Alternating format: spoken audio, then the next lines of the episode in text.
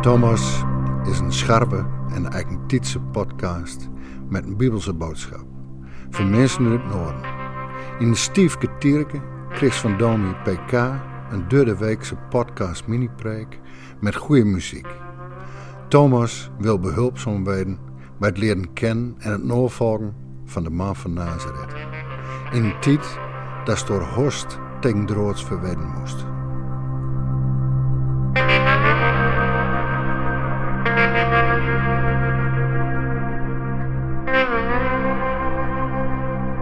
Vandaag luisteren we in de podcast naar het advies van ene Gamaliel.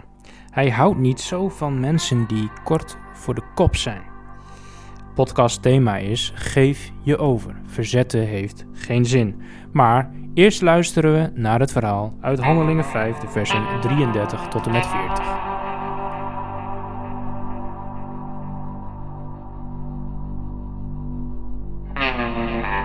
Toen de leden van het Sanhedrin dat hoorden, werden ze duivels en ze wilden de apostelen ter dood brengen. Maar toen stond een van hen op, een fariseer die Gamaliel heette en die als wetsleraar bij het hele volk in aanzien stond. Hij gaf opdracht om de apostelen even een poosje naar buiten te brengen. En vervolgens zei er, Israëlieten, bedenk nou eens goed wat je van plan bent met deze mensen te doen. Bedenk het dus. Een tijdje terug wierp Teudas zich op als een man die het volk leiden wil. En er waren ongeveer 14, 400 mensen die sloten zich bij hem aan. Hij werd doodmokt. Zijn aanhang viel helemaal uiteenander en er is niks van overgebleven. Na hem was er Judas, de Galileër, die ten tijde van een volkstelling met zijn volgelingen in opstand kwam. Ook hij ging er onder deur en al zijn volgelingen ben uiteenander treden.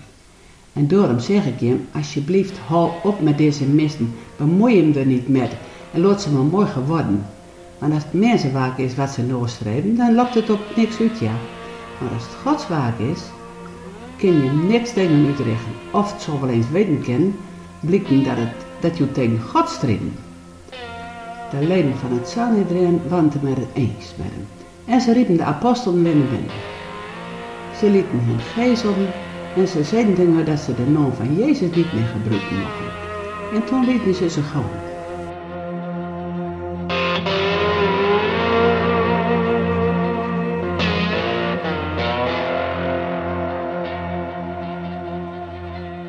Ben jij iemand die al snel ergens een mening over heeft? Ik vraag het maar even, want het lijkt erop dat we sinds kort niet alleen 17 miljoen bondscoaches, maar ook 17 miljoen virologen hebben. Van Lange Frans tot Doutzen Kroes. Op social media, radio en tv en in de krant buitelen de meningen in een hoog tempo over elkaar heen. Iedereen heeft een mening over stikstof, roetveegpiet, Arjen Robben, 5G, gebarentolk Irma en of Winsum wel of niet terecht het mooiste dorp van Nederland is. En iedereen kan die mening via Twitter, Instagram en Facebook ventileren. Vrijheid van meningsuiting is een groot goed, maar soms is het vermoeiend om tussen al die meningen je eigen weg te vinden. In deze podcast word je uitgedaagd om je mening soms even wat langer uit te stellen. Van ene Gamaliel krijg je het actuele advies om niet kort voor de kop te zijn. Je zal namelijk ontdekken dat het kan gebeuren dat je in de bubbel van je eigen gelijk een blinde vlek hebt voor bepaalde ontwikkelingen die je niet kan en wilt stoppen. Want ook in het geloof kan dat gebeuren. Onbewust loop je God dan voor de voeten. Thema bij deze podcast is: geef je over. Verzetten heeft geen zin.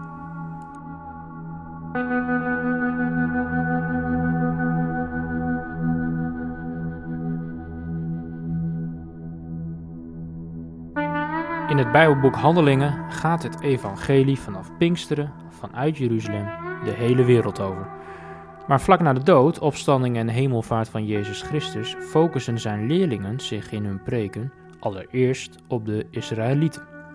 De jonge gemeente die dan ontstaat, staat goed bekend bij het volk. En tegelijk is er ook veel weerstand, vooral bij de leiders van het Joodse volk. In dit verhaal komt die weerstand tot een beslissende climax. Maar wat je eerst moet weten is dat die leiders, de apostelen, eerder al streng hebben ondervraagd en hen een spreekverbod hebben opgelegd. Maar toen de apostelen zich de vrijheid van meningsuiting niet lieten afpakken, werden ze opgepakt en ook in de cel gegooid. En terwijl de Joodse leiders zich in de achterkamertjes van de tempel opmaken voor een intimiderend vervolgverhoor, krijgen ze van de gevangenisdirecteur te horen dat de apostelen op mysterieuze wijze zijn ontsnapt. Dan volgt een uitnodiging om langs te komen. Maar wat volgt is allesbehalve een vriendelijke uitwisseling van wederzijds gerespecteerde meningen. De leiders van het volk ontploffen zowat van woede wanneer Petrus herhaalt dat Jezus de Messias is. Gelukkig is er ook iemand aanwezig die wel kalm weet te blijven. Gamaliel neemt het woord en last een besloten time-out in. En wat hij inbrengt is bijzonder. Zijn milde politieke strategie is namelijk gebaseerd op een degelijke analyse van de vele populisten die hij heeft zien komen en gaan. In het begin schieten ze in de peilingen omhoog, maar even snel zakt hun aanhang en invloed als een pudding in elkaar. Waarschijnlijk zal dat ook met deze nieuwe beweging gebeuren, tenzij God zelf ermee te maken heeft. Nou, in dat geval is het zaak om je niet blind te staren op je eigen gelijk, want straks blijk je onbewust tegen God zelf te strijden. Dat wil je niet op je geweten hebben. Al dus Gamaliel. En langzaamaan dringt bij de leiders het besef door dat hier krachten aan het werk zijn die niet te stoppen zijn met een straf, dreigement of spreekverbod. Als de geest in je leven, in de kerk of ergens in jouw omgeving aan het werk gaat, heeft verzet geen zin.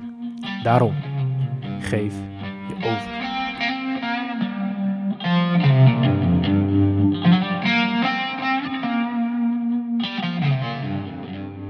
Wat kan je vandaag met dit bizarre verhaal? Nou, meer dan je zou denken. Want niet alleen in onze samenleving, ook in het geloof en in de kerk stapelen de meningen zich eindeloos op. Ik vind het zelf best wel lastig om hoofdpijnvrij tussen al die meningen door het voetspoor van Jezus te blijven volgen.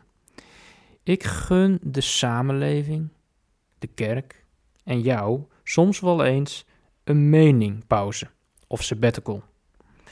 Wanneer je de mogelijkheid op het ongelijk van jouw eigen gelijk openhoudt, kan er zomaar speelruimte, vrijheid, ontspanning en rust ontstaan. Want als het niet uit God is, dooft het kaarsje vanzelf uit. Daar hoef je niets voor te doen. Maar als God er wel mee te maken heeft, kan je maar beter een stapje terug doen.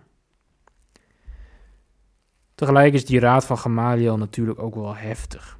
Het kan zomaar gebeuren dat je God onbewust voor de voeten loopt. En het lastig is vooral, je weet niet goed wanneer je dat doet. Zou het, nou, niet handig zijn om deze woorden in je achterhoofd te houden voordat je een verhitte discussie aangaat? En is gebed om een beetje wijsheid van de geest zo nu en dan ook niet verstandig? Dit verhaal maakt pijnlijk duidelijk dat God soms in je leven of in jouw omgeving of in de kerk aan het werk is op een manier die je eigenlijk niet wilt zien. Het is een spannende vraag. Maar zou het bijvoorbeeld kunnen dat Hij verantwoordelijk is voor iets dat jij zelf als een tegenslag ervaart? Daarnaast moet ik bij dit advies van Gamaliel ook denken aan gesprekken die ik zo nu en dan wel eens heb met kerkverlaters of mensen die zichzelf niet echt rekenen tot de religieuzen. Wat mij dan opvalt is dat die mensen vaak helemaal niet negatief tegenover het geloof staan. Hier in het Westerkwartier zijn veel mensen vroeger ook nog gedoopt. En toen hun ouders stopten met naar de kerk gaan, is het geloof min of meer geruisloos uit het leven verdwenen. En tegelijk laten mijn gesprekspartners dan doorschemeren dat ze het bestaan van God helemaal niet uitsluiten. En dat ze er zich in de toekomst toch wat meer in zouden willen verdiepen. Hé, hey, ik respecteer ieder zijn positie. Ik wil niemand pushen. Maar zou het ook kunnen dat dit soort zeldzame pop-up gedachtes niet alleen uit je eigen brein of onderbuik komen, maar dat ze er van bovenaf zijn ingelegd? Zou die onrust en dat verlangen de lange adem van de geest kunnen zijn, die van zich laat horen? Dat je onbewust tegen God zelf aan het strijden bent, door niet naar die stem te luisteren of het steeds weer voor je uit te schuiven? Overweeg de wijze raad van Gamaliel eens. Geef je over. Verzetten heeft geen zin.